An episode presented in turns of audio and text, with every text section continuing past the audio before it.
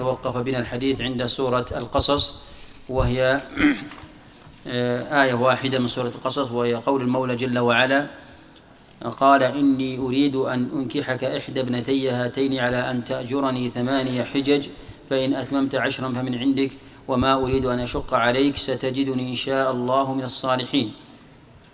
هذه الآية فيها عدة آية فيها عدة أحكام. الحكم الأول هو آه، جواز عرض الولي موليته على الرجل الصالح. يعني الرجل إذا آه، إذا علم أن هذا الرجل رجلا صالحا وأحق بأن يتزوج فإنه يجوز, يجوز لهذا أن يعرض موليته يعرض يعرض, يعرض أخته أو يعرض بنته على هذا الرجل الصالح كما عرض عمر رضي الله عنه ابنته حفصة على أبي بكر وعرضها على النبي صلى الله عليه وسلم.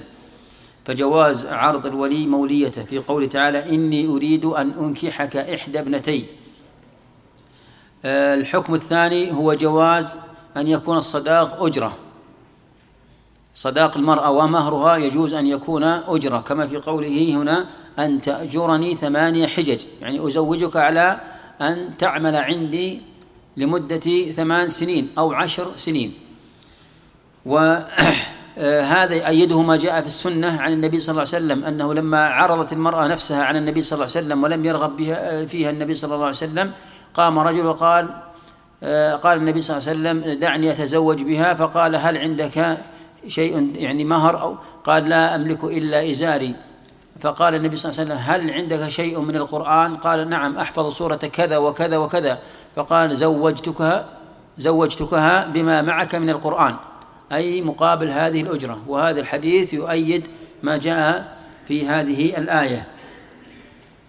آه، كذلك فيه دلالة على أن الذي يزوج هو الولي وليس المرأة أن تزوج نفسها وإنما لا بد أن يكون وليها هو الذي يتولى زواج زواجها حفاظا عليها وحفاظا على مصلحتها. لو فتح المجال لها قد يعني يكون ذلك سببا في يعني تضييعها ولذلك من حفاظ الشريعة عليها ومحافظة عليها أن يكون الذي يتولى أمر صاحب رجل صاحب خبرة صاحب معرفة ودراية يعرف الصالح من غيره.